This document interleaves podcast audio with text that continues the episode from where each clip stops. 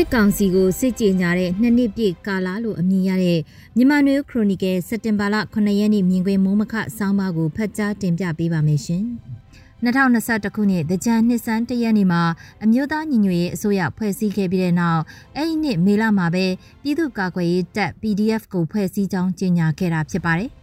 အိမ်နောက်9လခန့်အကြာစက်တင်ဘာလ9ရက်နေ့မှာတော့အမျိုးသားညီညွတ်ရေးအစိုးရရဲ့ယာယီသမ္မတကတနိုင်ငံလုံးလက်နက်ကင်တော်လန်ကြဖို့နှိုးဆော်ခဲ့ပါတယ်။အိမ်នេះကိုအရက်အခေါ်အဖြစ်ဆိုရင် D-Day လို့ခေါ်ဆိုကြတာဖြစ်ပါတယ်။ဒုတိယကမ္ဘာစစ်အတွင်းကအနောက်ဘက်စစ်မျက်နှာအတ္တလန်တိတ်သမုဒ္ဒရာကနေနာဇီဟစ်တလာတပ်တွေတင်ထားတဲ့ပြင်သစ်နိုင်ငံကိုပြန်လည်သိမ်းယူဖို့စတင်တဲ့ရက် D-Day လို့ခေါ်ဆိုကြတာကိုတင်စားပြီးအရက်ခေါ် D-Day လို့ခေါ်ဆိုကြတဲ့သဘောလို့ယူဆရပါတယ်။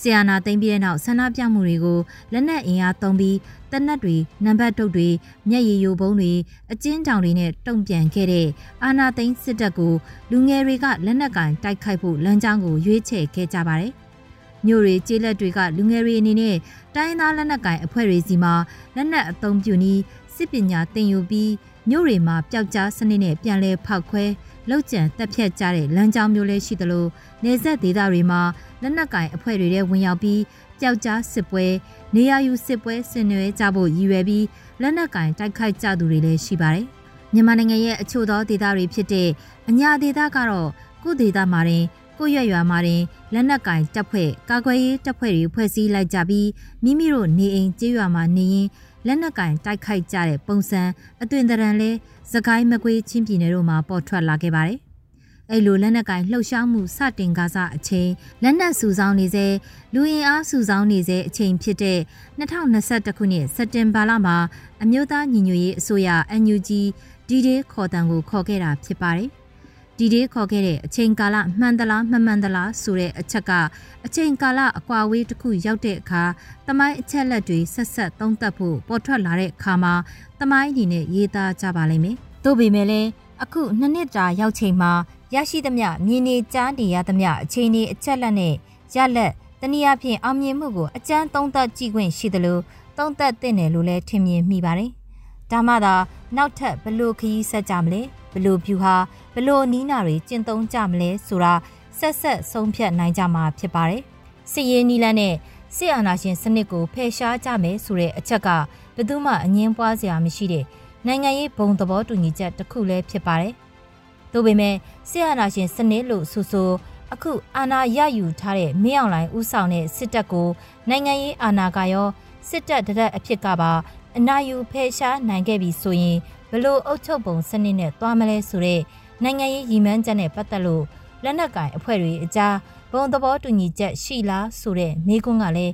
အရေးပါတယ်လို့မြင်မိပါတယ်။ Federal Democracy နိုင်ငံဒါမှမဟုတ်စစ်မှန်တဲ့ Federal Democracy နိုင်ငံကိုသွားမယ်လို့တကြောင်နဲ့ပြောဆိုနိုင်တာမှန်ပေမဲ့အဆိုပါ Federal Democracy နိုင်ငံရဲ့ဖွဲ့စည်းပုံတိုင်းရင်းသားပြည်နယ်တွေနဲ့ဗမာတွေနေထိုင်ကြတဲ့တိုင်းတွေကအခွင့်အရေးတူညီမှုမှာဘယ်လိုရှိမလဲ။ တယံဇာတခွဲဝေမှုမှာဘလို့ရှိမလဲစစ်တပ်ပြန်လည်ဖွဲ့စည်းရမှာဖက်ဒရယ်တပ်မတော်ကိုဘလို့အသွင်သဏ္ဍာန်နဲ့ဖွဲ့စည်းကြမလဲဘိုးအစိုးရနဲ့ပြည်내အစိုးရတွေအကြားအာဏာခွဲဝေမှုပုံစံအသေးစိတ်စတဲ့နိုင်ငံရေးဆိုင်ရာသဘောတူညီမှုတွေရှိနေကြပြီလားရယူထားပြီလားဆိုတဲ့မေးခွန်းလဲပေါ်ထွက်လာပါတယ်ဒီအပိုင်းတွေက NUCC လို့ခေါ်တဲ့အမျိုးသားညီညွတ်ရေးအတိုင်းအမြံကောင်စီရဲ့အခမ်းကဏ္ဍတွေဖြစ်ပါတယ် NUCC ကစက်ပွဲမှာ အစပိုင်းမှာတခန်းတခန်းထွက်ကပြီးတဲ့နောက်အခုနောက်ပိုင်းနှစ်တွေမှာသူ့ရဲ့အခန်းကဏ္ဍပျောက်သွားသလောက်ဖြစ်ပြီးနိုင်ငံရေးဥဆောင်မှုအရာမူဝါဒရေးရာအပိုင်းမှာပါဆက်လက်လှုပ်ရှားနေလားမနေလားမသိရတဲ့အသွင်သဏ္ဍာန်မျိုးတွေ့ရတာဖြစ်ပါတယ်။ဒီဒေးနှစ်နှစ်တာကာလအတွင်းနိုင်ငံရေးအရာအဆင့်ပြောင်းလဲတိုးတက်သွားတာတွေဘာတွေရှိသလဲ။ Federal Charter နဲ့ပတ်သက်လို့တိုင်းရင်းသားအဖွဲ့တွေအားလုံးကလက်ခံသဘောတူညီမှုရှိနေပြီလား။ဘလောက်ရာနှုန်းကသဘောတူပြီး ဘလောက်ရာနှုန်းကသဘောတူညီမှုမရသေးတာလဲစတဲ့အချက်တွေလဲအခုချိန်မှာပြန်သုံးသပ်ဖို့လိုအပ်တယ်လို့စစ်ရေးရဘလောက်အောင်မြင်ခဲ့ပြီလဲဆိုတာလဲပြန်သုံးသပ်ဖို့လိုအပ်မှာဖြစ်ပါတယ်